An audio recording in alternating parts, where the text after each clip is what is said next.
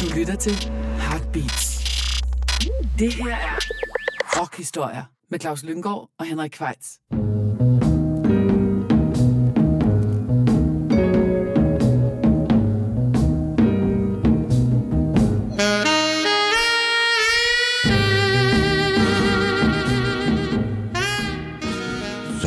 Sørme blevet tid til endnu en gang rockhistorie, og vi er nået frem til nummer 175 af slagsen, Claus. Det er der også noget. Ja, på en eller anden mærkelig måde. Jeg kan, jeg kan næsten ikke forstå det. Nej, men øh, Men det har vi altså. Det, det har, har vi jo. vi. Vi har det på papir, som man siger, eller i hvert fald på chip. ja, og øh, vi er langt fra løbet tør for emner, Heldigvis, så der skulle nok være 175 mere af slagsen ja, ja. mindst. Og vi har faktisk sadlet lidt om i dag, Claus, i Ja. betragtning af de... Oprindeligt havde vi faktisk tænkt os at afsløre, hvor romantiske vi var ved at spille vores favorit øh, kærlighedssange, og som Henrik sagde, de må jo også gerne være ulykkelige. Ja. Øh, men øh, så brød der jo en lille krig ud øh, i øh, Ukraine. En rigtig grim krig, øh, hvor Putin ligesom troede, han kunne vælte dem over inden på 0, dutter. Det tegner til at blive en langstrakt affære. Og så tænkte vi, så måtte vi gå ud og kigge efter nogle af, af sange om krigens gro, øh, fordi vi er ikke så naive, så vi tror, at det hjælper noget, hvis vi spiller Give Peace a Chance. Nej, det er vi ikke, og øh, jeg ved ikke, om man kan tillade sig at formulere det sådan, men der er jo ikke noget, der er så skidt, at der ikke kommer noget godt ud af det. Det er rigtigt. Og det gælder også krig. Der, det har trods alt resulteret i... I meget stor kunst. Ja, det har det. Og det kan man selvfølgelig Både sige. på altså, inden for film og litteratur. Ja, og- og, Maleri. Ja. Ja, for pokker. men, øh, og også inden for musikken, og dem har vi fundet en stribe af vores favoritter Ja, det har vi. Og øh, der er rigtig mange sange af de sange, vi spiller, der ser det fra den menige soldats perspektiv. Det er åbenbart en måde, som sangskriver ligesom kan forsøge at illustrere groen ved krig. Og det starter vi faktisk også med, og det er en sang, der ikke bare handler om krigens gro, men også om, hvor grumme galt det kan gå, når freden kommer, hvis man er soldat i en diktaturstats her. Ja, altså, vi har måske meget passende valgt at starte med Red Army Blues. Ja. Skrevet af Mike Scott, øh, som var frontfigur i bandet The Waterboys. Det tror jeg faktisk stadigvæk, han er. Ja, og hvad hedder det? Et nummer fra deres andet album, tror jeg det er, ja. Pagan Place. Som faktisk kom meget godt. Det hedder som sagt Red Army Blues. Det er fra 1984 og fortæller historien om en 17-årig russisk soldat, der bliver sendt til Berlin øh, og er med til at bekæmpe Hitler, og så skulle alt jo være godt, skulle man tro. Men da han så bliver sendt tilbage til Rusland, så ryger han direkte til Gulag, som er sådan en fangelejr, fordi Stalin er bange for, at de der soldater, der har været i Tyskland, er blevet for vester, westernificeret, eller hvad det hedder. Ja, ja, rigtigt, ja. Og det, og det, var, og det er bygger på en sand historie. det gør det. Det bygger på en roman faktisk, der hedder øh, The Diary of Vincent Ankorov, skrevet af Viktor Muravin, som så havde øh, kilder. Han havde en ven, øh, som havde oplevet noget i den retning, som havde så overlevet Gulag. Fordi at da, da Stalin bliver væltet i 56, så, så synes hans efterfølger Khrushchev måske, det var lige Det var lige strengt nok. nok. Så de ja. soldater, som, som havde overlevet Gulag, de blev så benådet. Altså, de havde heller ikke gjort noget, kan man sige. Men, Nej, det er ikke andet, end at de havde vundet krigen. Ja. Ja, det behøver man jo så heller ikke i Stalins, øh, Stalins Sovjet. Det behøver man ikke at have gjort ret meget for at, at ryge i fangelejre. Nej, og øh, Mike Scott har jo selv sagt, at sangen er inspireret af Roxy Musics A Song for Europe. Ja. Og det kan man, øh, det havde jeg ikke sådan lige tænkt over, men, men når man så ved det, så kan man faktisk godt høre det. Ja, og det er meget sjovt, fordi de tre første Waterboys-plader, der opererede de med det der begreb Big Sound eller Big Music. The Big Music, det Ja. hed en af deres singler også, Ja. og det blev så ligesom det, man, man kaldte omkring den. Deres store værk er jo nok det, der hedder Fisherman's Blues. Og der var de, havde de jo forladt The Big Music. Ja. Der var de jo ramt i jorden, kan man sige. Ja, øh, og- men det her nummer er faktisk dejligt fri, fordi det er store armbevægelser. Det er en meget intens øh, ballade, som jeg synes, vi skal kaste os ud i med det samme, Henrik, og så få sat ja, liv i kludene, hvis man kan sige det, i den Ja. her anledning, sande sammenhæng. The Waterboys og Red Army Blues.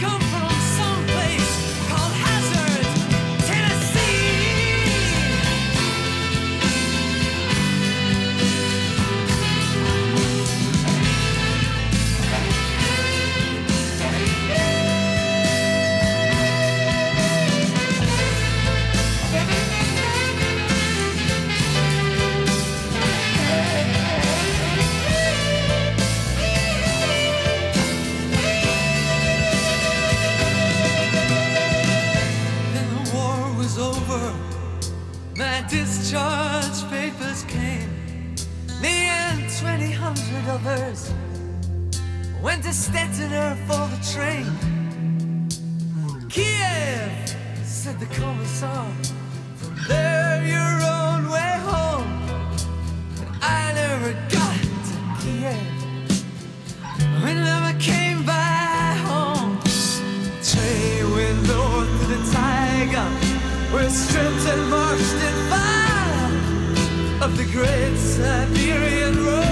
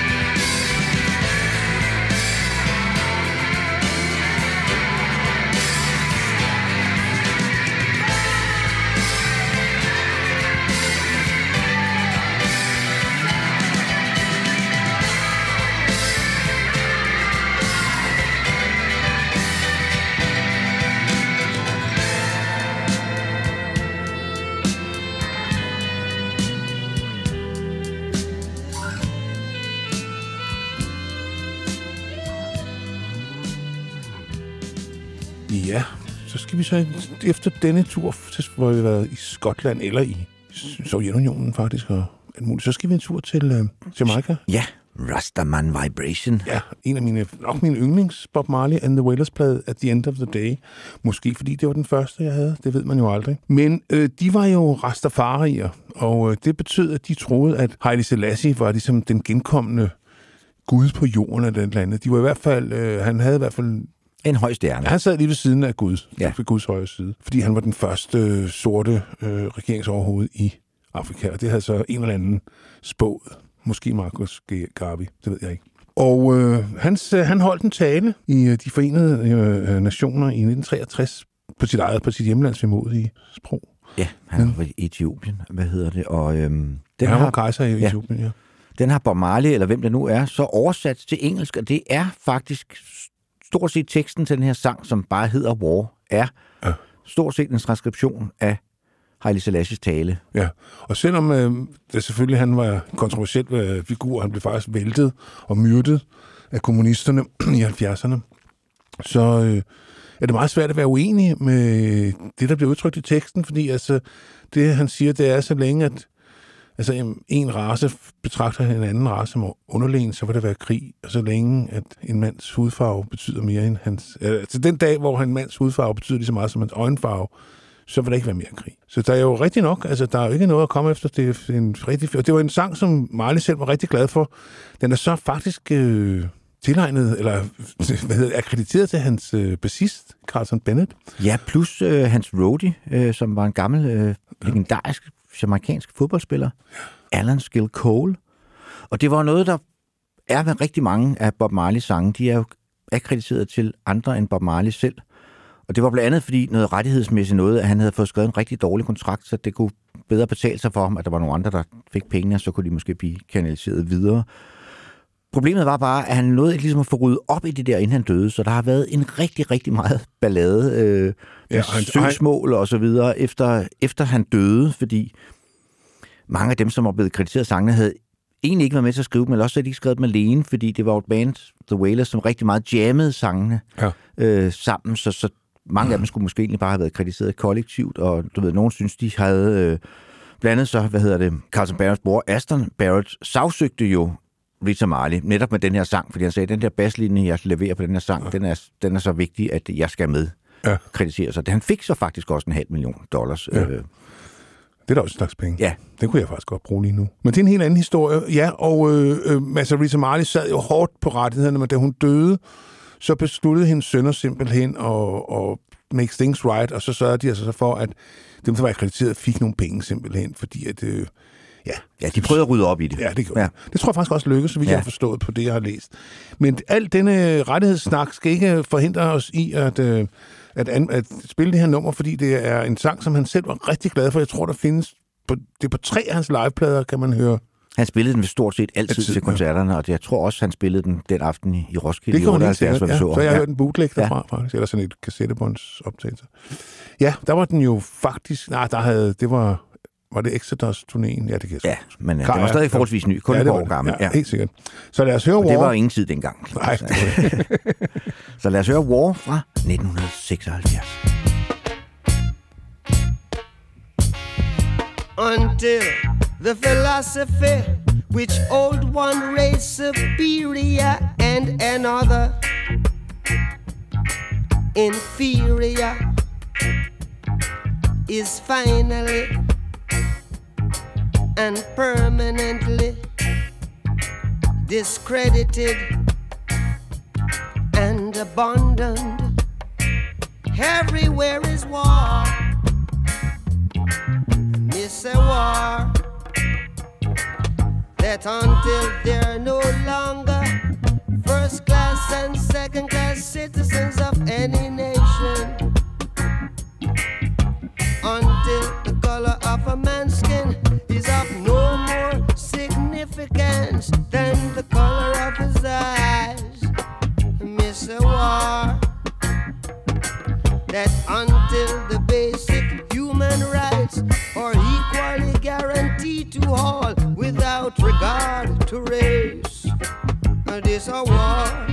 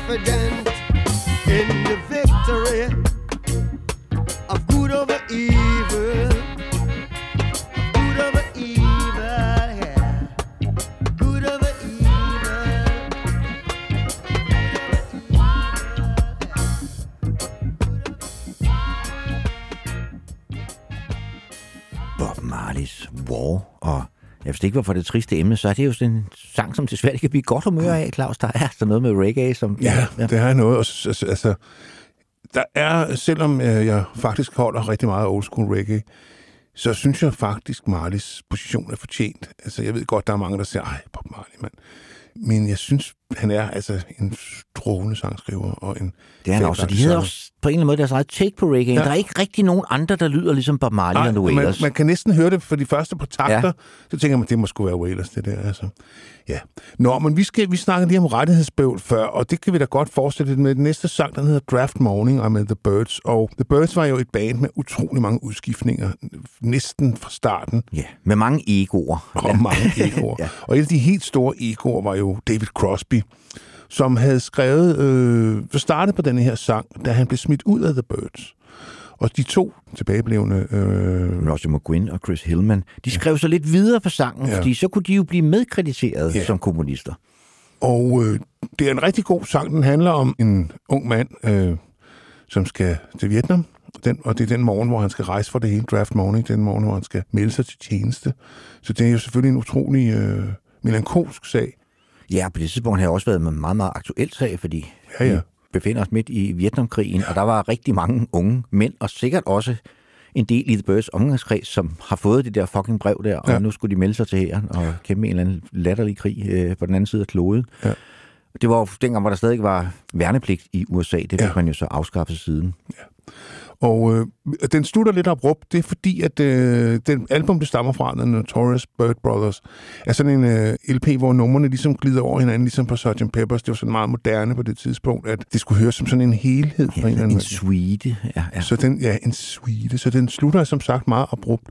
Men øh, selvom øh, Crosby var meget pissed over det, der foregik, så er vi jo rigtig glade for at have den, Henrik. Det er vi.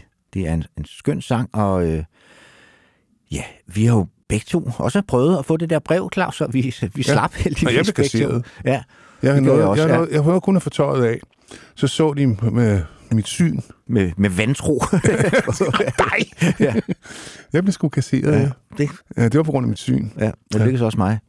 Det var også noget, det var også dengang, kunne man hvis man havde en god læge, var det jo ret nemt at blive kasseret. Ja, det er rigtigt.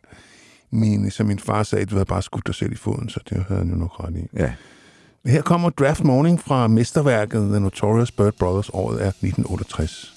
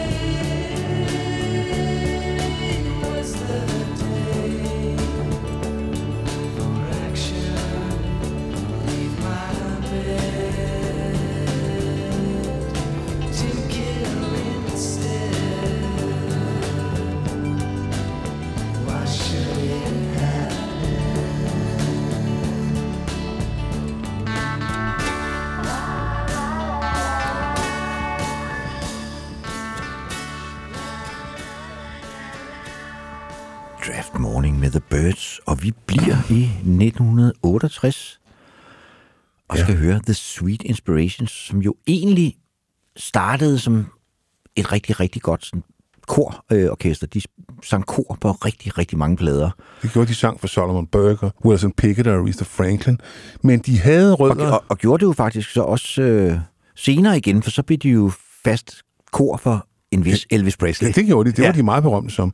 Og de blev jo anført af Cissy Houston, Whitney Houstons mor, som jo på mange måder er sådan en slags semilegende i de kredse. Det var hende, der startede det helt tilbage i 1963, da hun stadigvæk hed Sissy Dinkart, tror jeg, hun hed Ja. før. De startede jo som gospelorkester. Ja, helt sikkert. Uh, The Dinkart Singers, tror jeg, de hed, før de blev til Sweet Inspirations. Og de ja, fik deres helt store gennembrud, kan man sige, som, som korvokalister på øh, Van Morrisons Brown Eyed Girl. Ja, det var der, de nåede ud til, til en hvid offentlighed. Og så sang de også på Burning of the Midnight Lamp, Jimi Hendrix-nummeret, og så på hele Ja. Dusty in Memphis. Det er alligevel også noget, så, altså, så, det, altså, det kan man kalde nogle skjulte superstjerner, ja, ja det må man sige. så alene det øh, sikrer dem en plads i, i, i rockhistorier, men de lavede så også et par albums der i slutningen af 60'erne på Atlantic Ja, i, i eget navn. Blandt andet, der hedder What the World Needs Now is Love. Og Ja. det kan vi vel stadigvæk egentlig godt skrive Det kan vi sagtens, Claus. Henrik, ja. Og øh, det var Burt Bacharach-nummer, men øh, det nummer, øh, vi har fundet til jer, det er et nummer, der hedder Am I Ever Gonna See My Baby Again? Og det passer jo meget godt med den der Draft Morning, vi lige hørte, fordi det er jo så hende, der bliver tilbage. Ja, og vente på, at han kommer hjem, og det er jo også på det her tidspunkt, hvor der kommer flere og flere af de der sorte sække hjem fra øh, ja. Vietnam. Og så var der jo er- proportionelt øh, øh, mange flere sorte i den amerikanske her på det her tidspunkt end hvide. Så der var mange sorte, der kom hjem i de der sorte bodybags. Det var jo godt noget af det, der var med til at, at bære, hvad hvad hedder det, øh, ved til de øh, bål, som der brændte rundt omkring i de amerikanske storbyer på det her tidspunkt, hvor der var jo rigtig mange steder, der brød optøj over. Ja. Ikke? Så ja, der var rigtig meget, altså, der var rigtig meget gang i, i, i 60'erne, det må man sige. Og ikke alt, det var ikke solskin og kærlighed det hele. Nej, The Summer of Love, den, øh, Ja, den, den, den, den fadede den, hurtigt. Det må man skulle sige. 68 ja. var et virkelig voldsomt år. Am I ever gonna see my baby again med The Sweet Inspirations fra 1968.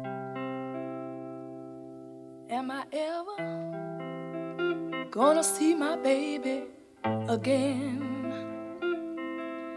Cause I'm gonna have to cry until then. Whoa, night and day. In every prayer, all I can say is. Am I ever in my arms? I even had a gypsy read my palms. Oh, I sure miss him. Love him so bad. It's just a sin, a sin in the worst way. Do you want? Oh yes, I do now. Do you love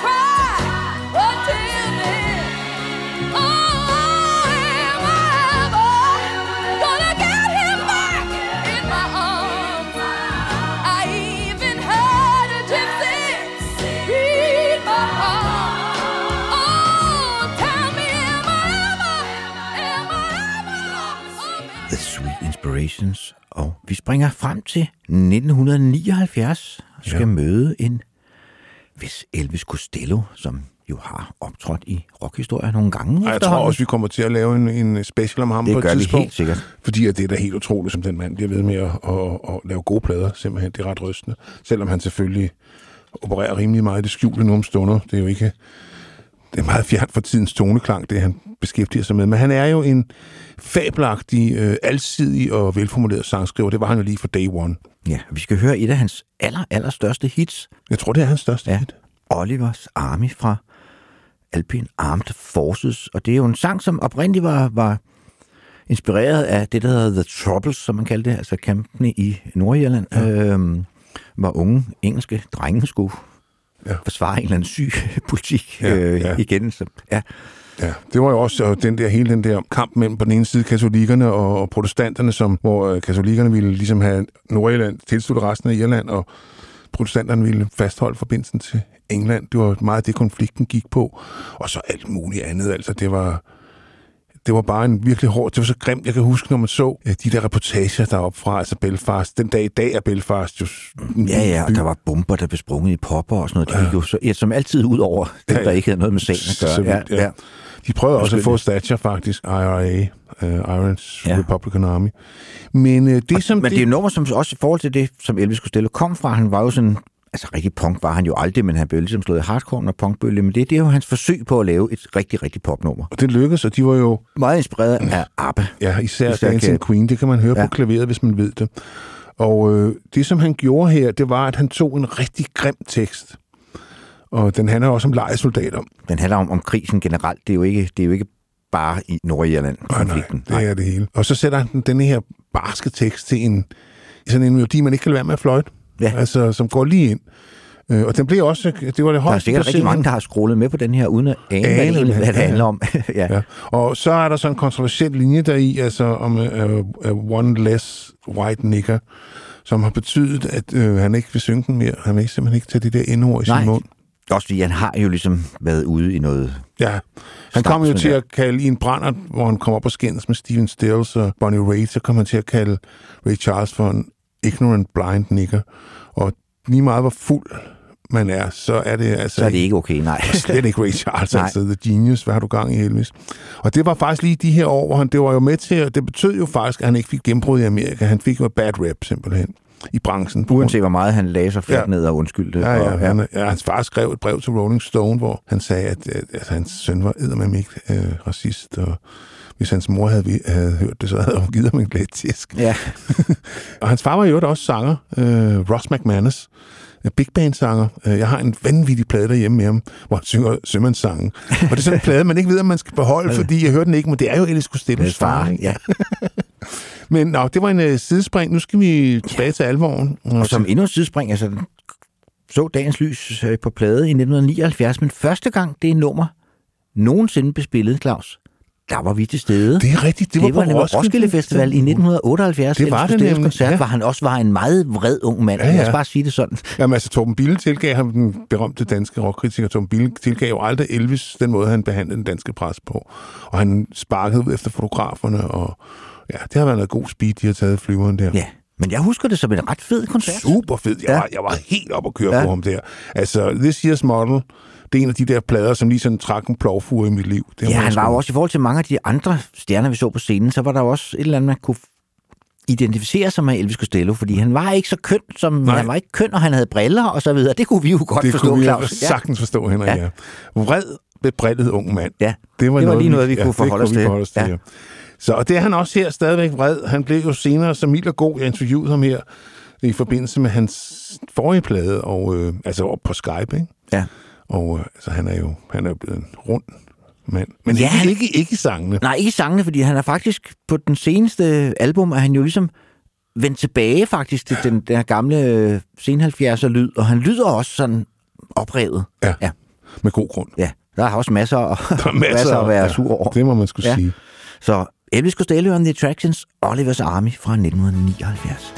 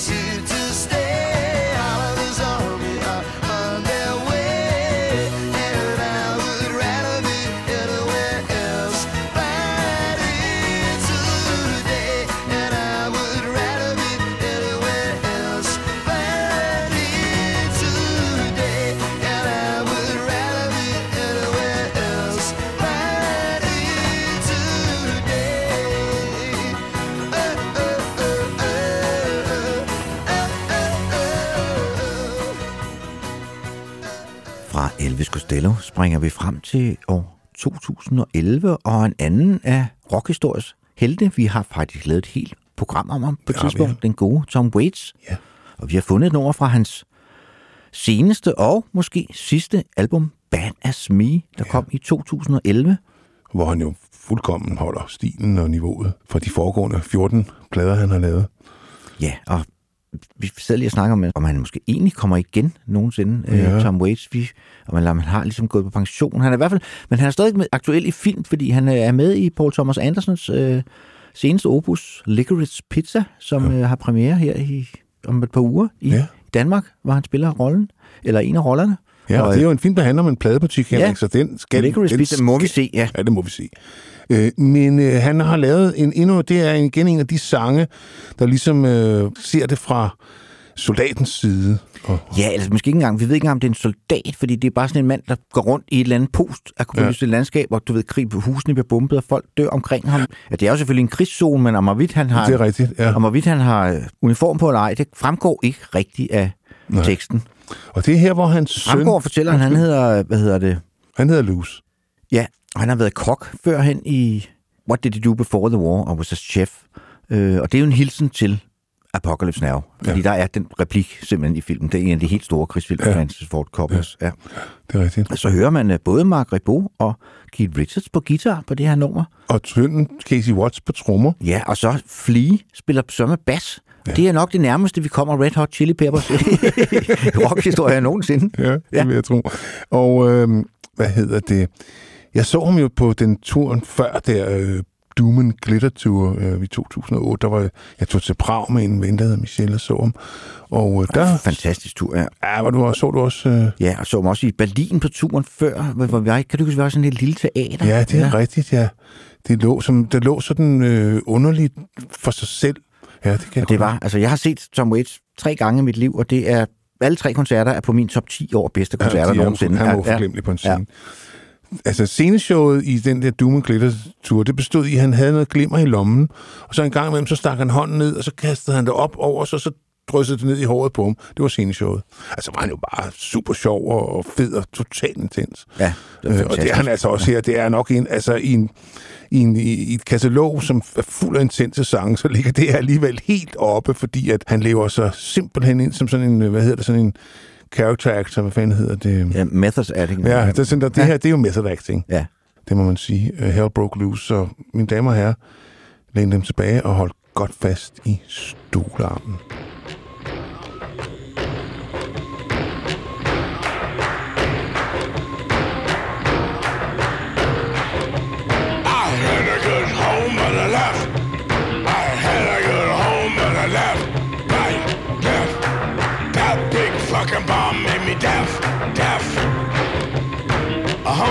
Mechanic put his Kevlar on wrong. I guarantee you'll meet up with the suicide bomb. Hell broke loose. Hell broke loose.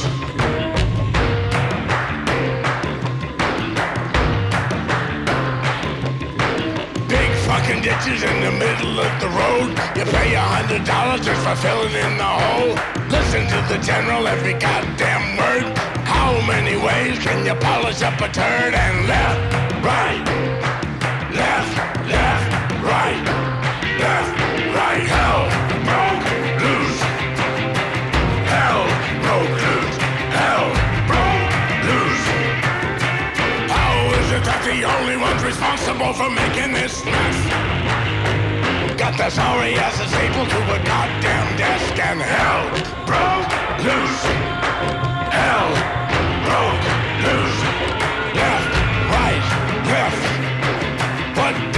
before the war? I was a chef. I was a chef. And what was your name? It was Jeff. Jeff. I lost my buddy and I wept, wept. I come down from the meth, so I slept, slept. I had a good home, but I left.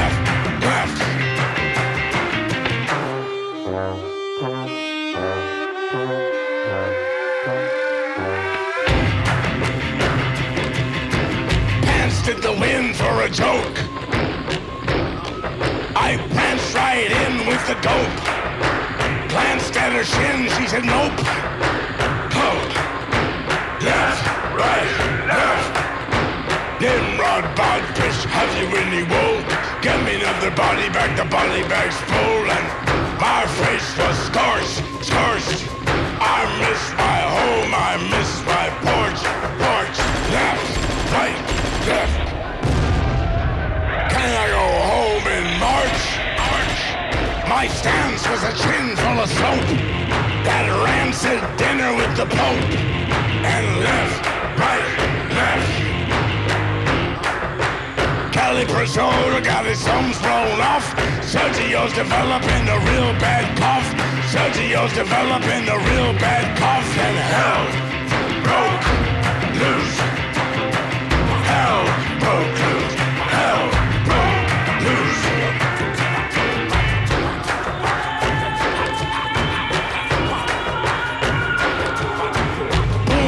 Went his and boom went Bowery. Huh. What the hell was it that the president said? Give them all a beautiful parade instead. And left, right, left.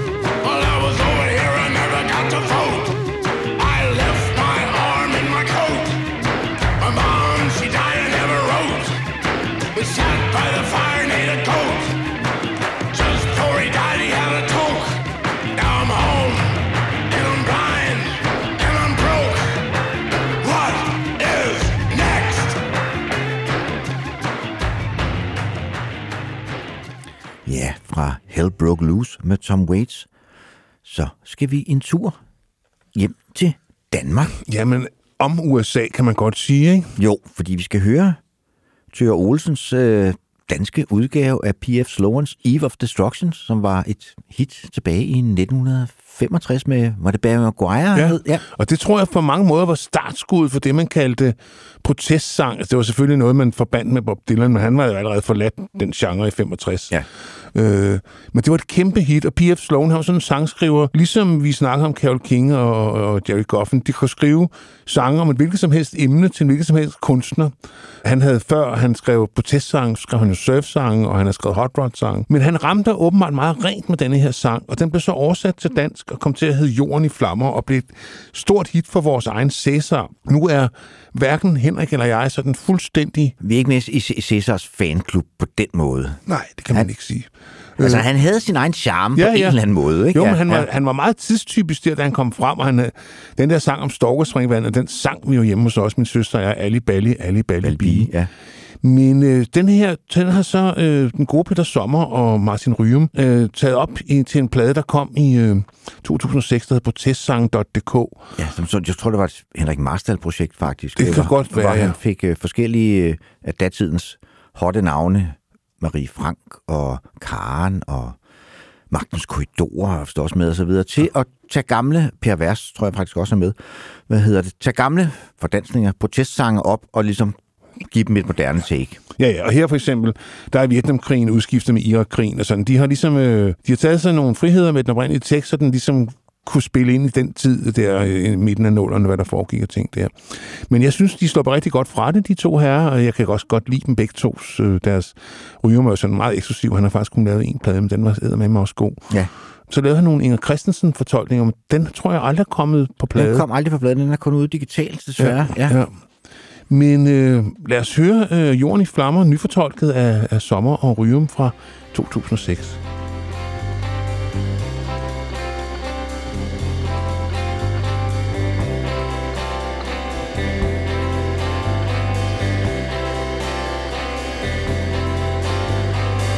Den kan ikke skræmme Vi har jo tryghed og fred en mand kan blive soldat, før han kan nå at stemme.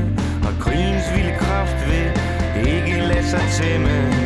Vi lever fedt og gør så vi kan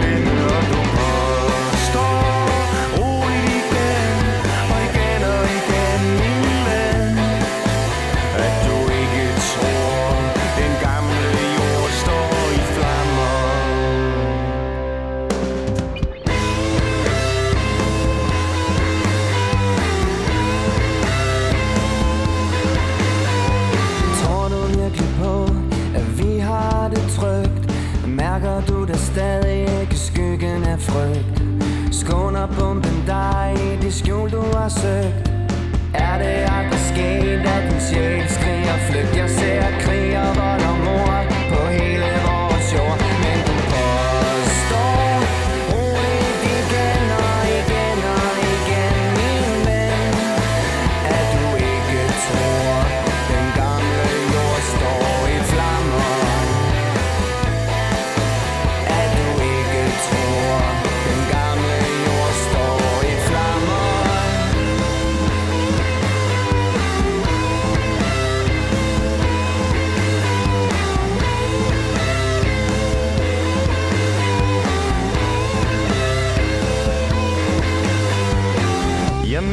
angst, og det så blod brænder. Folk efter folk bliver bitre fjender.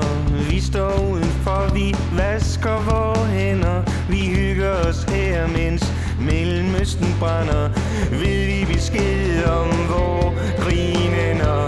Ved vi, hvornår vi ser et glimt, der blænder?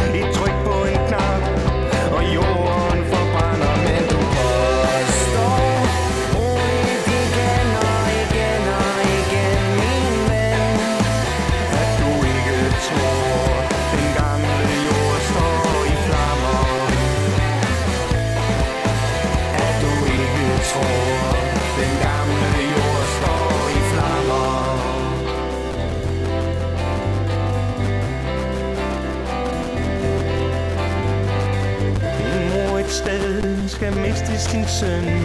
Medaljen hun får er krigerens løn. Havde din kære nabo og ben lille bror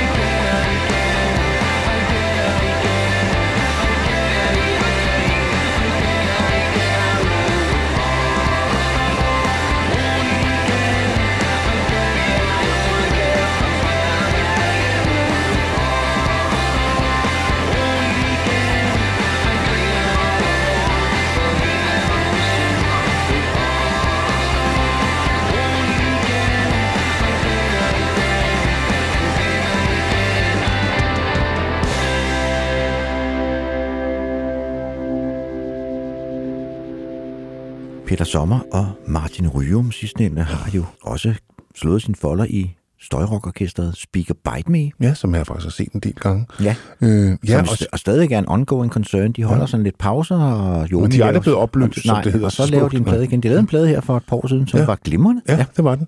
Og øh, jeg kunne godt høre den der guitar her, øh, den der møgbeskidte guitar, der er på nummer, det kunne jo godt have været en Speaker Bite Me. Øh. kunne det sagtens. Ja.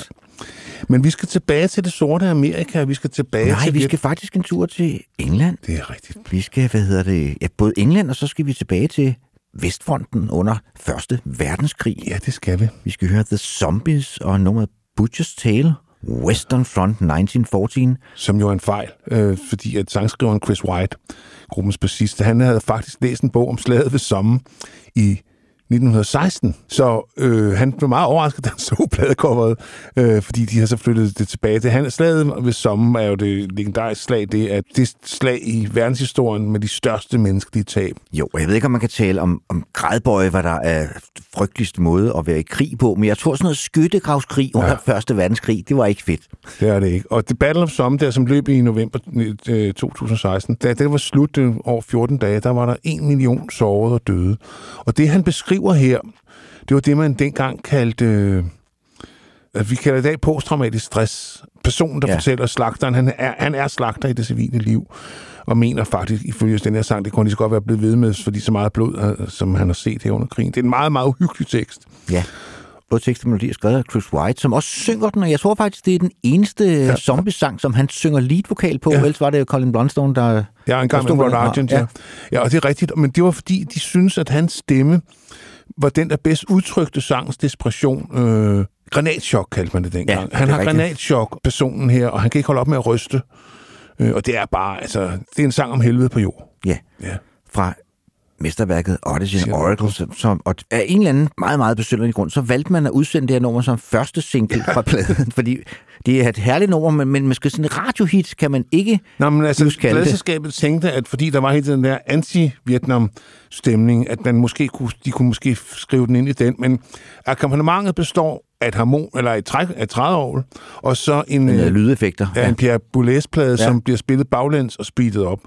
Det er, hvad der er, og det er måske ikke lige frem sådan det er mest sådan, det, for folk ud på dansegulvet Nej, i de fik jo 1968. så til gengæld et kæmpe hit med den single, der kom efter Time of the Season, ja. øh, men der var bandet jo gået i opløsning. Opløsning, Ja. ja. Så øh, Men ja. det, ja, det, er en, det kan godt være en dag, vi skal lige kigge på, på zombies, fordi selvom, øh, selvom Men værket kun- ikke er så stort, så er det så godt, så man ja. faktisk skal strække det til to timer. Ja. Og hvis man tager de første Colin Blunstone-plader med, så ja, ja, Ja, så er og rigtig den gode. første Argent-plade, ja. den er også stadigvæk zombiesagtig. Ja.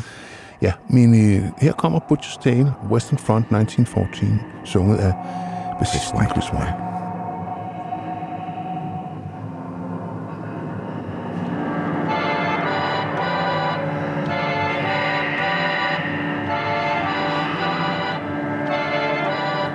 A butcher, yes, that was my trade, but the king's shilling is now my fee. A butcher I may as well have stayed for the slaughter that I see. And the preacher in his pulpit sermon go and fight, do what is right. But he don't have to hear these guns, and I bet he sleeps at night. And I,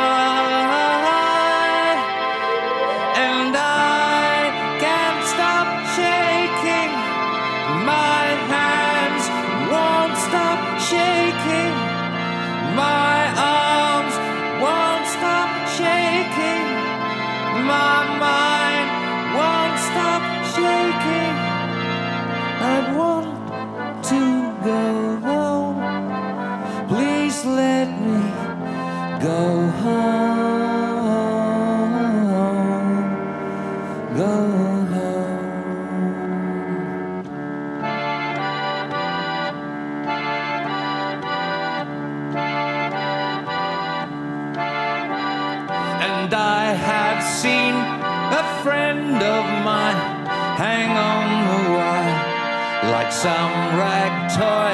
And in the heat, the flies come down and cover up the boy. And the flies come down in gum coat, thieful mammoth's wood and French Verdun. If the preacher he could see those flies, wouldn't preach for the sound of guns. And I,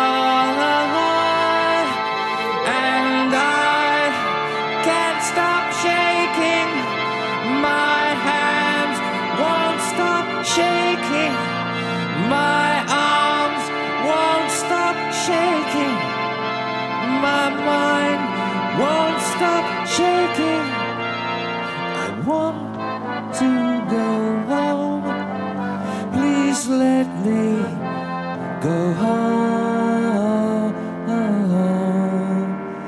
Go Ja, Zombies. Og hvis ikke man kender gruppen, så synes vi, dine værter, du skal gå ud og tjekke Odyssey and Oracle ud, fordi det er altså helt oppe ved siden af Pet Sounds og Revolver, øh, hvad angår den epoke i musikken. Ja, det er et mesterværk. Det er det bare. Yes. Nu skal vi så til USA, som du allerede fik sagt lidt præmaturt øh, Ja, ja, før ja. Vi skal høre Freda Payne. Frida Payne. Frida Payne, ja. Bring the Boys Home. Det, titlen siger jo næsten det hele, og det var et, hit i USA, den nåede 12. pladsen faktisk, og den har sikkert ramt den af året, hvor 1971, hvor Vietnamkrigen begyndte at blive rigtig grim. Og det kom på et pladselskab, der hed Invictus, som var blevet dannet af øh, tre herrer med baggrund i Motown, Holland, Doja Holland, det var deres pladeselskab, hvor de forsøgte ligesom at vriste sig fri af Barry Gordys tyranniske greb om alting, og Ja, og Frida Payne havde faktisk et, et stort hit med et af deres numre. ja, Band of Gold. Band of Gold i året før i 1970. Ja.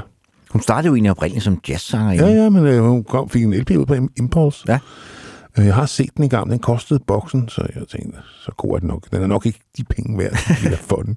Men hun er en god sanger. Hun startede som jazzsanger, og så gled hun så over i, i soul, øh, som man kan høre her. Og øh, sangen er skrevet af en ganske ung fyr, som øh, hed Frank Wilson. Øh, 17 år, tror jeg, han var, da han skrev den her sang. Så ja, der var jo muligheder øh, for alle dengang. Og øh, ja, det er jo samme som med øh, Sweet Inspirations. Det er det der med, at øh, vi vil gerne have vores mænd hjem i helt Stand. stand. Ja, ja. Og øh, det var der da også nogle af dem, der kom. Men Der er også alt for mange, der ikke gjorde. Men Ja. ja. Øh, ja. Bring the Boys Home, året af 1971.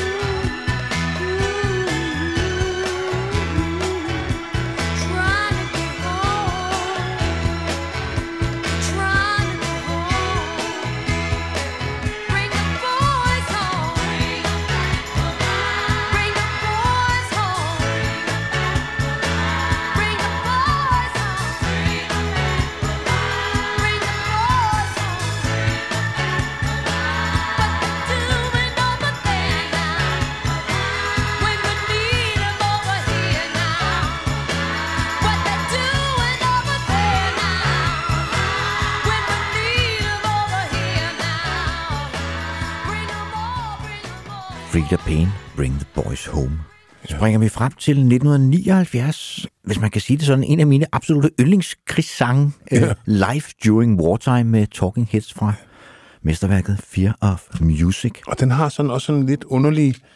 Altså, det er, det er lidt svært at få helt greb om...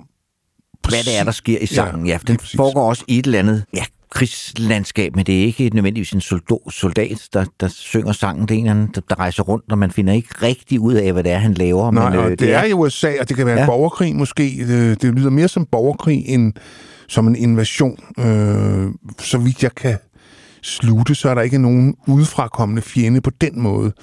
Men det er igen op til fortolkningen, vil jeg sige, og det er jo David Burns livlige fantasi, øh, og det er alvor, det er der ingen tvivl om. Ja, this ain't no party, this ain't no no- disco, this ain't no fooling around. Ja. It's ain't no mud club og CBGB. Ja. Øh, og den er jo optaget øh, sammen med produceren øh, Brian Eno i foråret 1979, hvor gruppen simpelthen øh, var rykket tilbage til rytmegruppens loft i The East Village, fordi de kunne ikke få det til at spille i studiet, så de tog hjem i øvelokalet. Det er også øh, den eneste, eller to sange på Fear of Music, som ikke er krediteret David Byrne, men er krediteret hele Talking Heads. Så det her, det er en af dem, for Ja. det er en sang, som er jammet frem. Ja. Og den svinger også, altså den svinger virkelig ja. godt, Claus. Og den er god at spille, når man ja. Er ude og, og luftbladen. Og det var faktisk øh, også sådan en form for gennembrud for, for gruppen øh, albumet Fear of Music. Nåede en 25. plads i USA, og det var altså meget godt for et band af den type i 1979. Der findes også en super fed live-version af den på øh, Stop Making Sense-albummet. Skøn ja. Ja. plade. Skøn film. Men øh, lad os øh, kaste os ud i det. Originalen Live During Wartime fra 1979. Heard of a van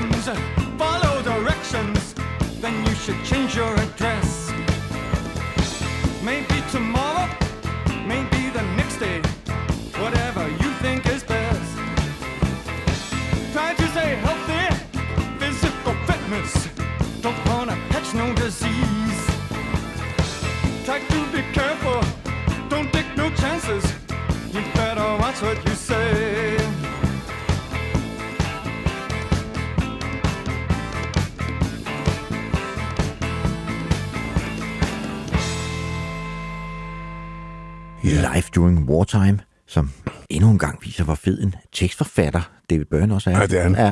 Han er en strål. Han er i det hele taget en, en fantastisk øh, øh, kunstner. Men jeg må sige, jeg har, jeg har ikke rigtig kunne få min samme gejst over hans solokarriere, som jeg kunne over Talking Heads-tiden. Øh, selvom der er strålende ting der. Øh, jeg kunne meget godt lide den der, han lavede med St. Vincent. Nå ja, det er rigtigt, ja. Ja. Ja. Der er også en koncertfilm, som jeg simpelthen ikke har fået set endnu, Nej, det heller som, som folk snakker om, skulle være helt fantastisk. Ja. Jeg tror, det er også en filmatisering af den koncert, han faktisk også gav på Roskilde, som jeg så heller ikke så. Øh, Vi, vi oplever aldrig noget Nej. her. Det er synd for os. Men øh, til gengæld, så skal vi nu til en af de ting, som jo hører med til krigen. Det er det der med, at når man bliver sendt ud til front med et gevær i hånden, så forventes det jo også, at man slår nogen ihjel. ja, og det er faktisk det, den her sang handler om. That Man I Shot var endnu en gang er set fra en menig soldats øh, perspektiv, og han skyder en anden mand, fordi han godt klar var en situation, at hvis han ikke havde skudt ham, så var han selv blevet skudt. Lige præcis. Og du ved, siger, it, was nothing personal. Altså, Nej, det var det ikke. ja, Men han kan jo ikke glemme det. Han kan ikke glemme det, nej. Jeg tænker, havde han også børn, ligesom jeg har, og du ved, at han Ja, ja. er, som jo også må være, altså, nu kan hverken du eller jeg sætte os ind i den situation, men altså, tænker, har jeg skudt et andet menneske? Ja, også? ja. ja. Jamen, jeg så sådan en, øh, et program på et tidspunkt om, øh, om sådan nogle japanske, øh, nogle af de japanske soldater, som havde været med til at besætte Kina. Og øh, de var jo kendt for deres grusomhed, men der var sad sådan en gut der, og han simpelthen græd. Og han sagde, at han, altså, han kunne slet ikke sove for det, han havde gjort. Nej. Altså det, han havde været med til. Øh, men altså, som man sagde, hvis ikke jeg havde gjort det, så var jeg blevet skudt. Ikke? Jo. Og det Så- er en sang med bandet Drive By Truckers, Ja. som jeg egentlig aldrig har dyrket særlig meget. Det er sådan, findes lidt ude i periferien, og hver gang jeg tilfældigvis stod ind i et nummer med dem, så tænker jeg, de er da meget gode. Jamen, så har jeg det også. Ja. Øh, altså, Men jeg har aldrig ligesom fået dykket ned i verden. Nej, heller ikke rigtigt jeg. Øh, men øh, der er rigtig meget power på. Det er sådan en rigtig rå amerikaner rock and roll, synes jeg. Øh, og de mener det. Det er der ingen tvivl om. Nej. Øh, så det kan være, Henrik, vi skulle, vi skulle kigge lidt mere på dem. Jeg ved ikke, om det bliver til et program, men øh, i hvert fald... Øh, Men nu var det snart for hit fra deres syvende album, er det ovenikøbet Brighter Than Creation's Day, og som lille kuriosum, den kan vi jo godt lide her i rockhistorie, så er det faktisk Spooner Oldham fra øh, gamle Muscle Shoals bands, der spiller keyboards på det nummer her. Og Ja. ja. allerede der, så har der jo et stort kryds i bogen. Ja, det må man sige. ja. Dem kan vi godt lide. ja. Drive By Truckers, That Man I Shot, og den er fra 2008.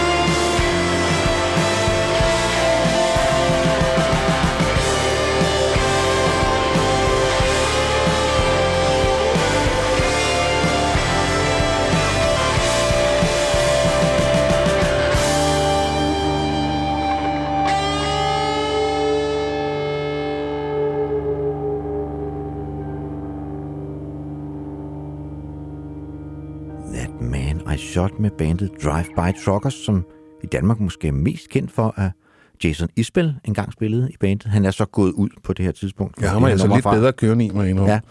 ja. øh, men øh, der er sådan lidt øh, Neil Young Crazy Horse Drive over det her nummer, jeg rigtig godt kan Ja. lide. Det er sådan en rigtig sejtrækker rock and roll, ikke? Ja, det er skønt. Yes. Så skal vi øh, over til en, som er lidt mere velkendt i rockhistorieland. Ja, det er jo ikke så lang tid siden, vi, vi kiggede på karrieren. Og det er jo PJ Harvey, Polly Jean, som vi kalder hende. Ja. Fordi vi er jo på fornavn med hende. Det er vi, og hun har jo lavet faktisk indtil flere krigsplader, ja. Øh, blandt andet Let England Shake, som vi jo også dykkede ned i i vores program. Det gjorde vi, ja. Men, Men Men vi vi, kunne ikke- spille det hele, jo. Nej, og vi fik ikke, ikke spillet nummeret The Glorious Land, Nej. som øh, ikke handler om, om krigen i Afghanistan, men man tager udgangspunkt i den. Ja, og den tager udgangspunkt for krigens uskyldige ofre, ikke? Børnene Jo, ja. og flygtningene, ikke? Det er jo en sang om, altså hun spørger, hvad, hvad har vi fået ud af det? Vi får deforme børn, vi får døde børn, ikke? Altså det er en sang, der ligesom peger på, ja, hvem er uskyldig og hvem er skyldig i krig, men de civile har jo stort set ikke en chance, vel? Nej. Øh, mod bomber og beskydninger, og altså, jeg kan huske det under Brooklyn. Og man kan sige, som det altid er i krig, så dem, der ligesom sætter lortet i gang, det er sjældent dem, der står Ja. forrest i frontlinjen. Det må man skulle ja. sige. Det siger han jo også i Butchers Tale, der, der siger han, den der præst, der velsignede hans mission i det der nummer, vi hørte med zombies, han har garanteret aldrig nogensinde ligget i en skyttegrav Nej. selv, vel? Det kunne man godt mærke på ham. Det kunne han ønske, han, han, skulle, han skulle prøve at opleve. Ikke? Øh, Men her er der altså børnene, og The Glorious, This, The Glorious Land hedder nummeret fra Let England Shake med, med PJ Harvey, hvor hun ligesom prøver at pege nogle andre retninger end, end den egentlige front. Ja, og året er 2011.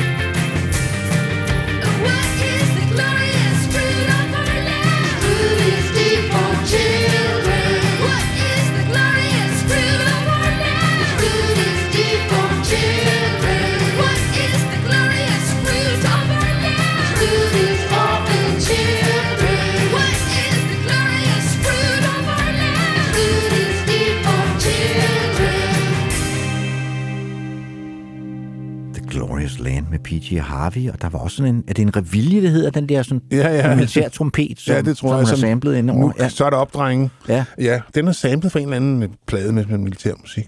Og et, et af de få numre på Let England Shake, som jo er et helt fantastisk, forrygende godt album, øh, hvor hun ikke spiller autoharpe. Ja, men faktisk guitar, ja. som jo er hendes primære instrument. Ja. Apropos guitar, så skal vi høre en del af dem på det næste nummer. Vi skal nemlig høre Metallica, og er det første gang, vi spiller Metal- Metallica i Ja, rockhistorie? tror jeg, er. eller jeg tror, måske hvis jeg tænker tilbage, så kunne jeg godt have Sten Jørgensen som inde som gæst mistænkt for at spille nummeret fra, et nummer fra ja. Lulu-pladen, som, som Metallica og ja. Lou Reed lavede sammen. Jeg kan ikke huske, om man gjorde det, men jeg ved, det var en plade, som står hans hjerte meget nært. Den bedste rockplade i det 21. århundrede, så jeg, jeg tror faktisk egentlig, han spillede noget fra Som den. Ja. Wellner, som Ja. ja. Hal Wellner sagde jo, det er jo en af de få plader, der fik dårlige anmeldelser på forhånd. Ja. Men den er også vokset lidt med årene, synes jeg. Ja. Den, øh, vi var lidt hårde ved den i starten der. Men det er rigtigt, vi har, altså Sten har spillet Metallica. Jeg har jo, jeg kan godt lide de to plader der, der hedder Justice for All og det, der hedder Black Album Metallica. Og det er faktisk der, så kom, og så tænker jeg, ej, det er et super band, og så kom Load, som jo var a load of crap, og så har jeg så ikke rigtig vendt tilbage. Men jeg kan Nej. godt vende på at sætte en af de to plader der på, jeg har dem begge to.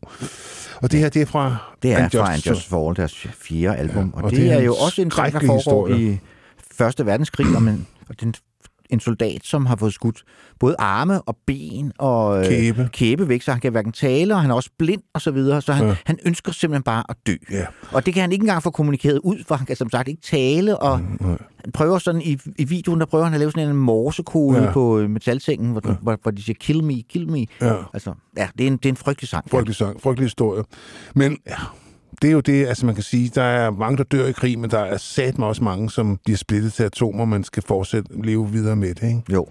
Og han er Ham her, han er så trådt på en landmine, ikke? Ja, Ja, ja. Ja. One med Metallica fra 1988. Så det er det, vi kalder en rigtig hyggespreder.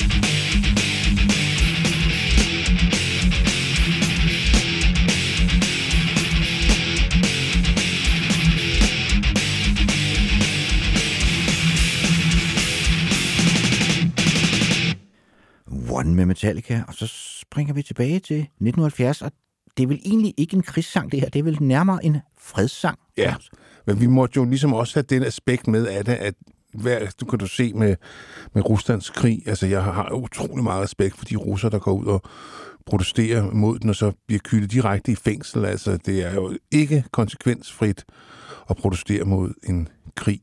Nej. Det var der også noget, der delte vandene i, i, det, i det daværende, eller i USA under, under Vietnamkrigen, og man var for eller imod den krig. Ja, vi skal høre The Supremes med Stoned Love, som jo egentlig skulle have heddet Stone Love, som er sådan et udtryk for, for dyb kærlighed. Ja, Ja, ja. ja. For det var det, lidt ligesom opfordret til, at vi må prøve at lægge de der, altså, er det sort eller hvid? Kom nu, lad os Ja. komme videre. Altså, ja. I'm stoned in love with you, Ja, har jeg ja. hørt det udtryk. Og det er jo ikke Diana Ross' Supremes. Hun er her skiftet, hun gik jo solo, og så kom ind, kom Jean Terrell, øh, som synger utrolig meget som hende. ja, men hvis man ikke ved det, så Nej, tænker man ikke over, nej. det ikke er dig. Øh, Ja. og så er der, der er kun Mary Wells tilbage, de oprindelige, og så er Cindy Birdsong kommet ind. Så de kørte jo nogle år med denne her, men Barry Gordy havde jo mistet interessen for gruppen, og Ja, og det var også et nummer, som lidt i tiden måske også blev misforstået lidt, fordi det netop hed Stoned Love, så folk troede, der var en eller anden drug-reference til dem. Det er der altså ikke. nej, overhovedet ikke. Og øh, hvad hedder det? Det var der et hit, så vidt jeg husker. Ja, det blev faktisk også et hit igen, øh, eller i hvert fald fik en hel del opmærksomhed, da det spiller en fremtrædende rolle i filmen Forrest Gump i 1994. Det er huske den rigtigt. Tom Hanks-film. godt- Jo, jo, Ja. ja. så det huske. Jamen, det er rigtigt. Ja, det er der, jeg husker den fra, fordi jeg kan ikke huske den fra dengang. Nej, det var også sidste, det var deres sidste top 10 hit, Ja. Supremes. Ja. Ja, så de var lidt små bitre på Gordy, men altså, han gjorde, hvad der passede ham. Men det er stadigvæk et dejligt nummer. Ja. Stoned Love fra 1970. Stone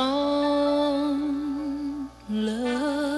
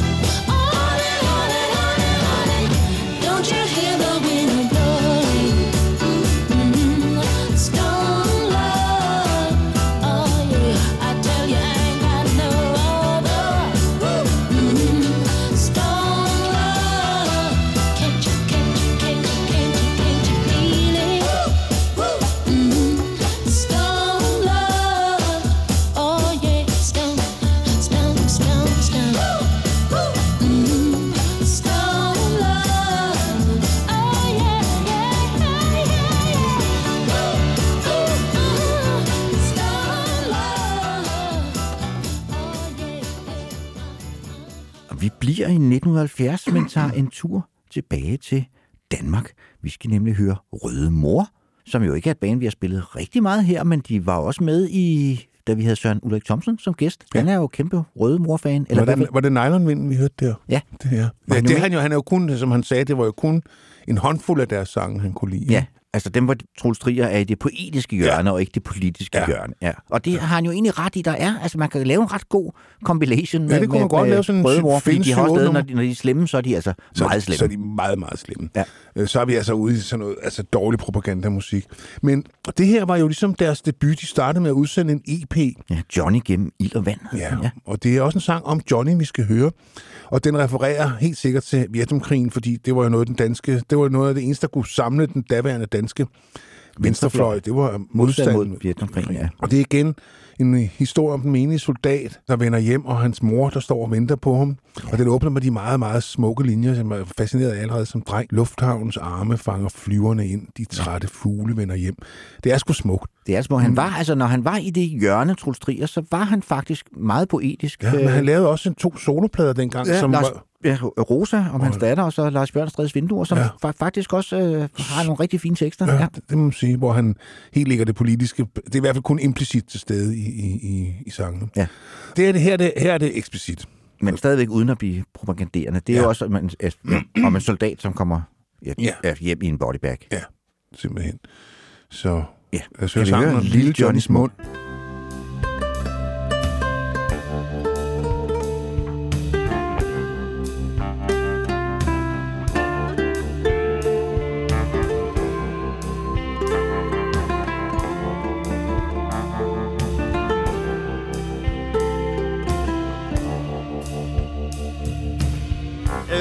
Lufthavnens arme fanger flyverne ind. De trætte fugle vender hjem. Lille Johnnys mor står i den kolde vind. Lille Johnnys mor, hun venter på sin dreng. Du kan lade lille Johnny gå, for Johnny er guld. Lille Johnny ligger for sin fod. Lad Johnny gå, for Johnny er guld. Lille Johnnys mund er fuld af blod.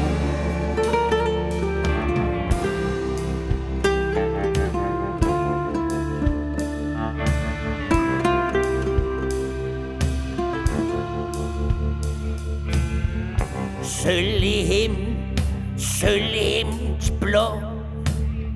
Mors lille Johnny er ombord. Maskinen lander, og den lander så tungt. Maskinen lander, lander tungt på hjemmes jord. Du kan lade lille Johnny gå, for Johnny er guld. Lille Johnny ligger for din fod. Lad Johnny gå, for Johnny er guld. Lille Johnnys mund er fuld af blod.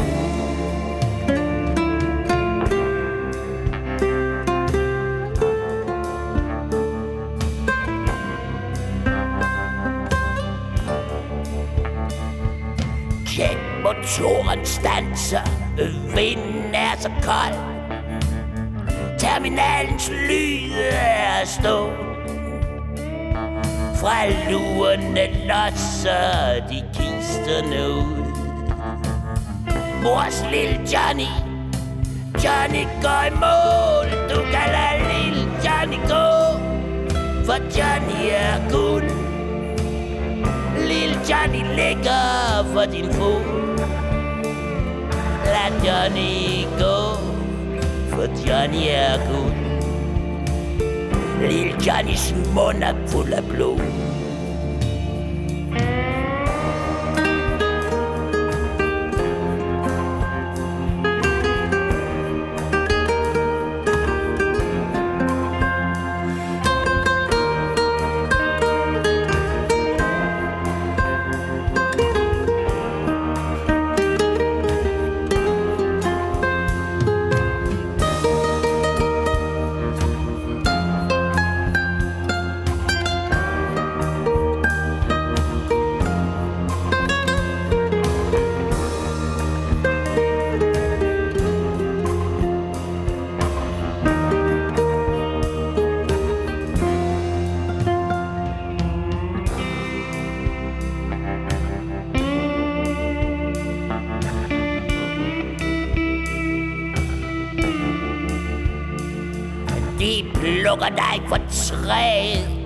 plukker dig som frugt.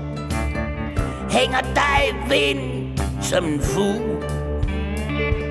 De skyder, mens du løber, skyder dig flugt. Skyder, mens du løber, mens du løber mod et skjul. Du kan lade lille Johnny gå, for Johnny er kun. Lille Johnny ligger for din fod. Lad Johnny gå, for Johnny er guld. Lille Johnnys mund er fuld af blod. Ja, Lille Johnnys mund med røde mor. Så skal vi over til et band, som jeg faktisk heller ikke tror, vi har spillet før. I hvert fald ikke post Syd Barrett. Selvfølgelig var de med i vores Syd Barrett-udsendelse. Det er Pink Floyd, vi snakker om her, og Syd Barrett-årene øh, har vi spillet. Men jeg tror ikke, vi har spillet noget, efter Syd Barrett gik ud med Pink Floyd nogensinde. Jeg har ikke nogen erindring om, Claus. Det er ikke, fordi jeg kan faktisk ret godt lide Pink Jeg kan Floyd. virkelig godt lide Pink Floyd. Ja. Ja. Altså, jeg, altså, jeg, øh, den der trilogi af plader, Metal, Dark Side of the Moon og Wish You Were Here, altså det har, det har spillet en stor rolle i mit liv. Det er noget musik, som virkelig har sat en standard. Ja, det er også noget, vi har også ligget ned på en Ja, en divaneser. med en ordentlig joint i Ja, kæften. ja. Ja, det har vi Og hørt de plader nogle gange, Ja, ja. det er de også gode til. Det egner de sig fantastisk godt til. Men Vi skal lidt, vi skal lidt vi skal længere frem i tiden. Ja. Vi skal høre et nummer, som faktisk egentlig oprindeligt er skrevet til The Wall, men ikke kom med på pladen, fordi de andre synes, det var for personligt, eller skal vi sige for privat, for det er en sang, der handler om Roger Waters far, ja. Eric Fletcher Waters, som blev, hvad hedder det, slået ihjel i Italien i ja. 1944 øh, som soldat i den ja. engelske her. Og det er traume, man har indtryk af, at Roger Waters aldrig rigtig er kommet sig over. Altså, det, det, det siger han så et sted, at han, altså på et tidspunkt i nullerne, tror jeg, der donerer han nogle penge til et øh, sådan et mindes, mindemonument på det, et, til det, der hedder øh, øh, The Battle of Anzio. Og der møder han en veteran på 93, som fortæller ham, hvordan hans far døde. Okay. Og der fik han en eller anden form for fred, fordi det havde nædet ham. Han ikke vidste, hvordan han han ikke var- ja. Øh, så måske har han fundet en form for fred, men han er jo lige så vred i dag, som han var dengang. Altså, han er jo en meget vred mand. Øh, og når han tager bladet fra munden, som for eksempel i Israel-Palæstina-konflikten, så er der jo ikke nogen gråtoner. Nej. Altså, han er benhård, og man kan også godt forestille sig, at han måske ikke har været den nemmeste mand at arbejde sammen med. Men Det har man ikke indtryk af. Man, altså, der er meget, kan man sige om Roger Waters, men man har ikke indtryk af, at han sådan, er sådan en meget empatisk fyr. Men, altså, det, altså, nej, men alligevel må han jo, når han brænder på de der sager, hvor han altså, på mange måder stiller sig på underhundens side, så må man jo sige, at han må have føle en eller anden form for solidaritet med, med, med, med The Poor Huddle ja. Masses. Ikke? Jo. Men øh, sangens historie er jo, at den danner baggrund for hovedpersonen i The Wall. Ja, for den er, den er som sagt ikke med på pladen, men den er med i filmen. Ja. Den åbner faktisk filmen, fordi der vi får forklaring på, hvorfor Pink, som han hedder i filmen, er så fucked up, som ja. den er. Ja. Og det er det der øh, tabet af faren i 44 i 2. verdenskrig ved det her slag. Altså, faktisk slag, det var et halvt år før, altså Battle of Anzio, det går fra januar til juni, så det jo handler om erobringen af- Italien, ikke? og Rom, befrielsen af Rom og alt det der. Og så kommer det som en single, som jeg har haft, men den der kunne jeg ikke finde. Øh, Det kom som enestående scene, og så ville han gerne have haft den med også på The Final Cut. ja, der kom den så heller ikke med. Den dukker faktisk først op, da den bliver genudgivet som CD i Ja. 2004. Der er den så indlemmet på. Som ja. ja. deluxe-udgaven, ja. Ja.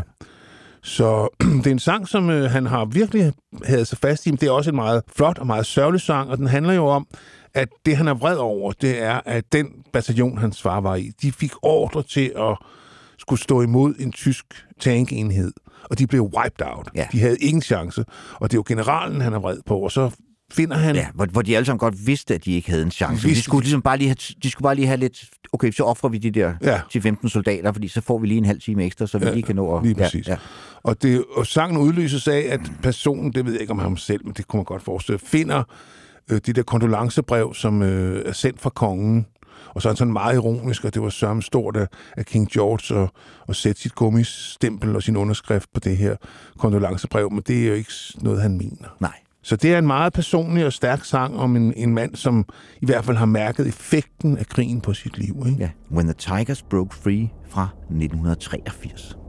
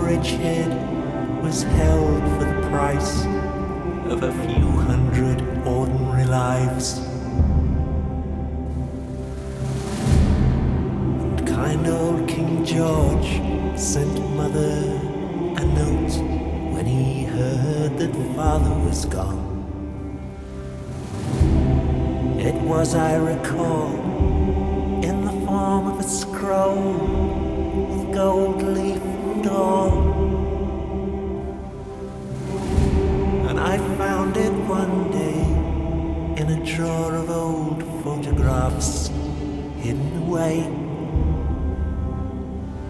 And my eyes still grow damp to remember His Majesty signed with his own rubber stamp.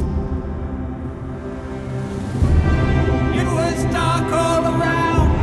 There was frost in the ground when the tigers broke free.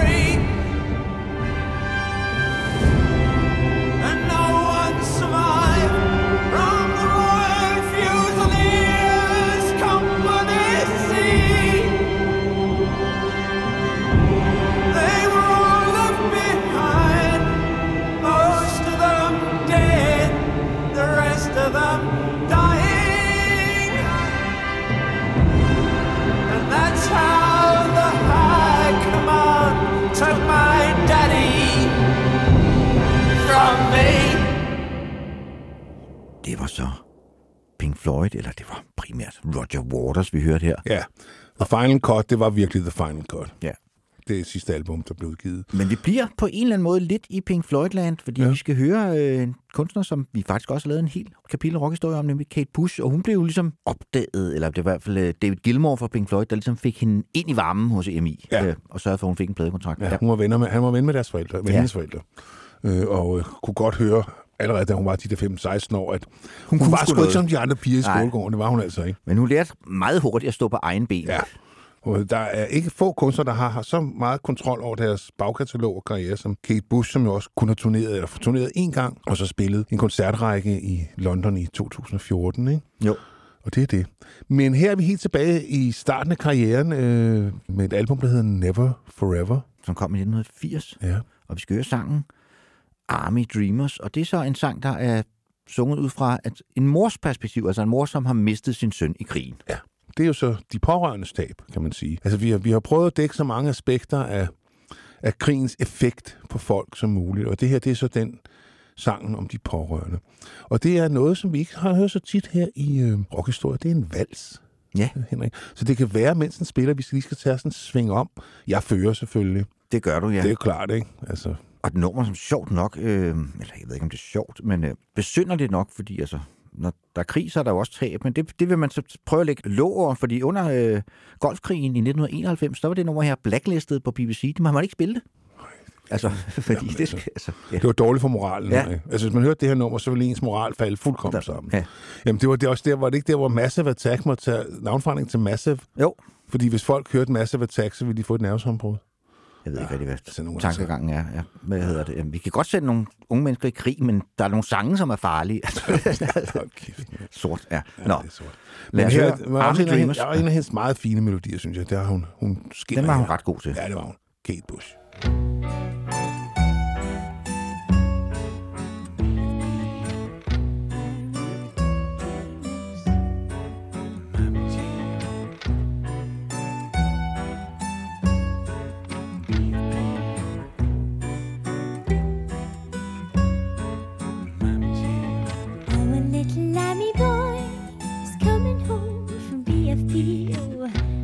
when she played with flowers to decorate mammy's hero.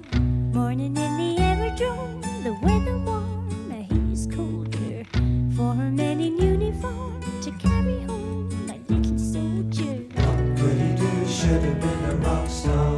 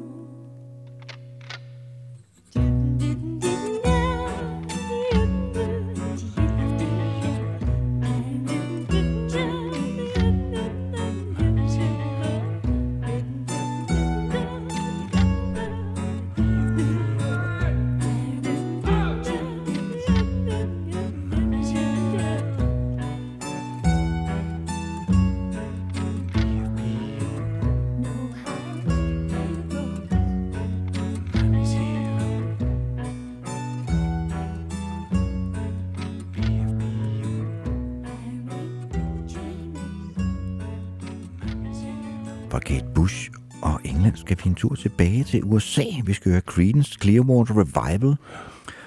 Og et nummer, som øh, sangskriveren John Fogerty jo egentlig har sagt, handler ikke så meget om krigen, som det handler om klassesamfundet. Ja. Men det var, så- er, er så blevet en af de store antikrigssange, og det er mere simpelthen omstændighederne. Det var simpelthen fordi borgerrettighedsbevægelsen der i slutningen af 60'erne, så den sang til sig Ja. og spillede den til alle de der øh, anti-Vietnam-demonstrationer. Der var ja. det her sådan en, en slagsang, Fortunate Son. Ja, og det den handler om, det er jo, at øh, det er jo ikke de rige og velhavende menneskers børn, der bliver sendt ud i frontlinjen. Det er jo som regel dem fra arbejderklassen og den lavere middelklasse, der bliver menige, de mere menige soldater. Ja, og den er blandt andet inspireret af Eisenhowers øh, søn, som, som på det her tidspunkt jo også var militærtjeneste, og jo som de fleste andre, hvis der havde nogen rimelighed så var han også røget en tur til Vietnam, men det gjorde han selvfølgelig ikke, og han røg ud på et eller andet krigsskib, som sejlede langt Ja, ja, ja. ja. væk fra, hvor der foregik noget som helst. Ikke? Og det, det er jo det, den privilegerede klasse, de sørger hele tiden for, at de selv slipper Ja, ja, for det, og så er det arbejderklassen, der må kæmpe, Ja.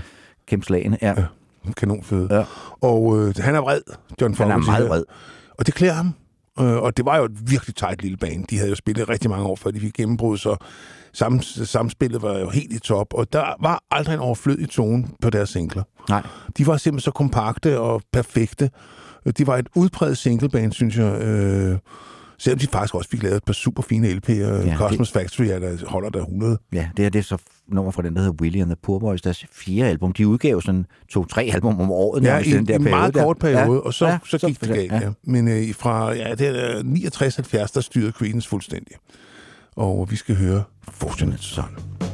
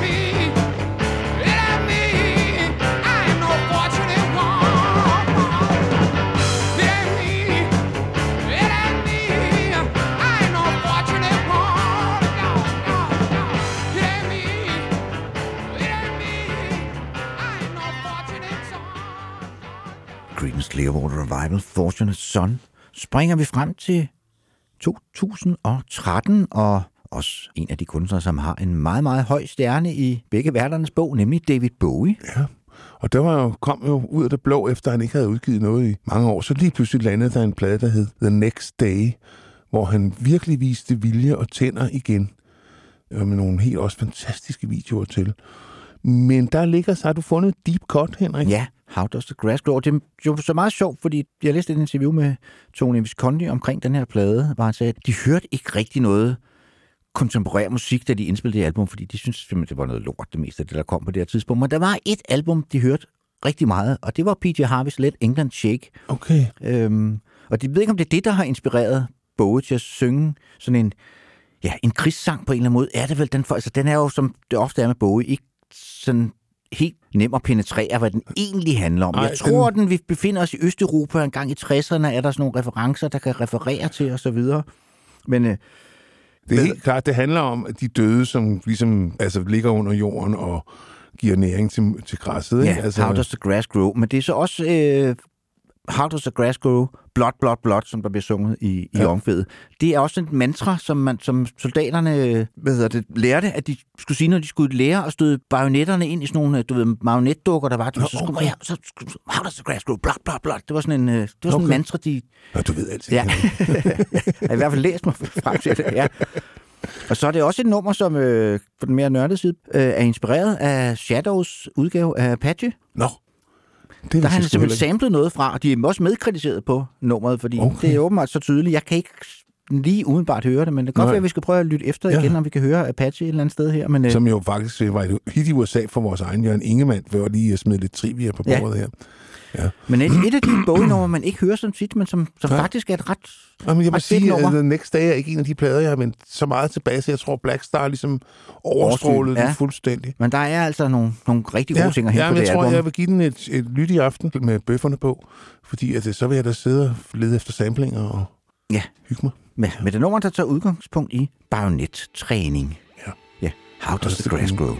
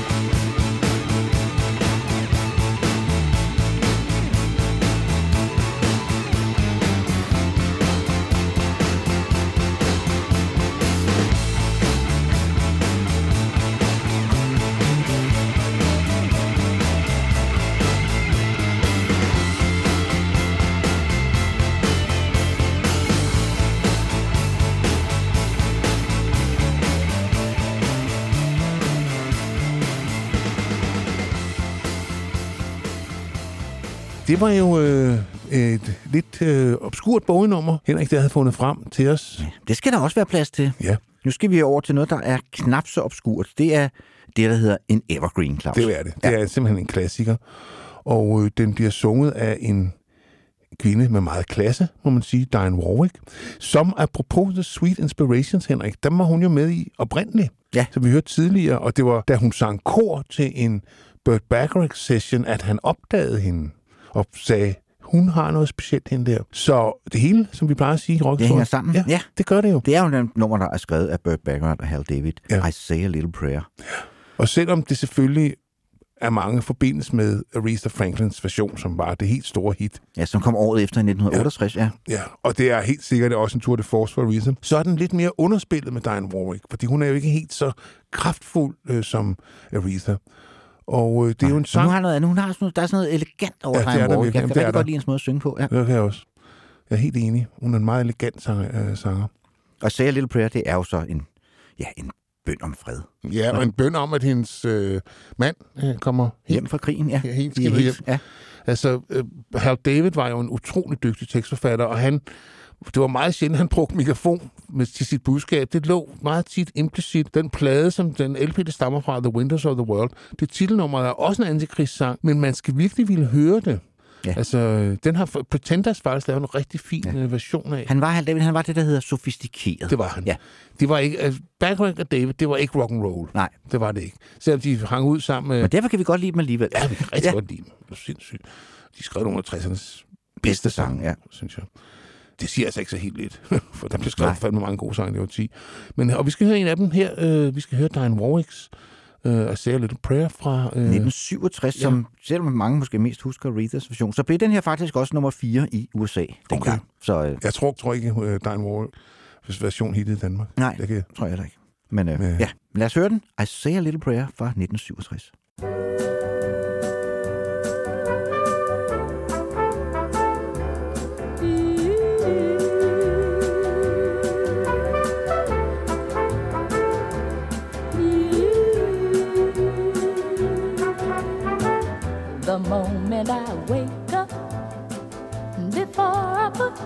My makeup, I say a little prayer for you.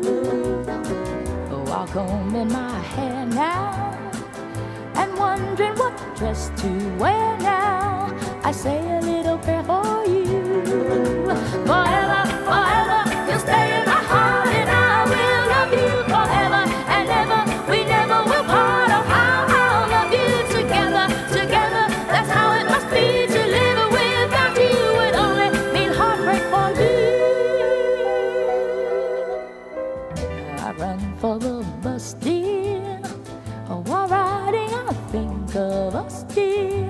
say a little prayer for you.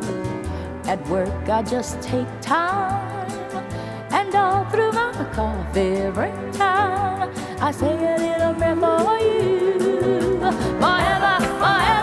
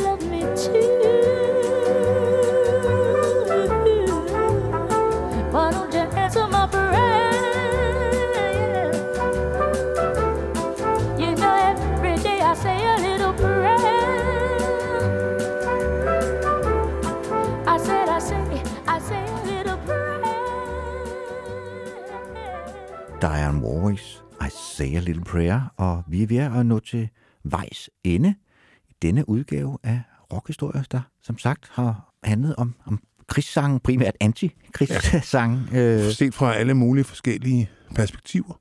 og vi vil da også gerne slutte af med en lille bøn, og det er, at hvis du ikke er en af dem, som allerede gør det, og tusind tak til jer, der gør det, så må du meget gerne gå ind på heartbeats.dk, finde rockhistorier frem og støtte os, hvis du har lyst til at høre nogle flere rockhistorier, fordi det er simpelthen udelukkende jeres støtte, der finansierer det her program. Ja. Og der er sådan en lille rød knap. Det skal, man skal bare trykke på den. Det er meget nemt alt sammen. Det det er brugervenligt, som ja. hedder på nu dansk. Så som en ekstra bonus ud over støt, Claus og jeg, hvilket i sig selv, selvfølgelig er al ære værd, så øh, kan man også blive medlem af vores lille lytteklub øh, inde på Facebook, ja. hvor der foregår ting og sager, og tips og tricks. Og, ja. Men vi slutter denne udgave af rockhistorie med måske den korteste sang, vi nogensinde har spillet. Et gammelt Cornelis Vreeswijk-nummer. Ja, 47 sekunder, tror jeg, det var. Ja. Som bliver et nummer, der hedder Telegram fra en bombet by, som bliver sunget af Monika Tørnell. Som man sanger inde, som Vreeswijk faktisk opdagede og ja. så videre. Han indspillede selv nummer 66, men vi skal så høre hendes version fra 72, tror jeg, det er. Ja. Øhm, Ja. ja.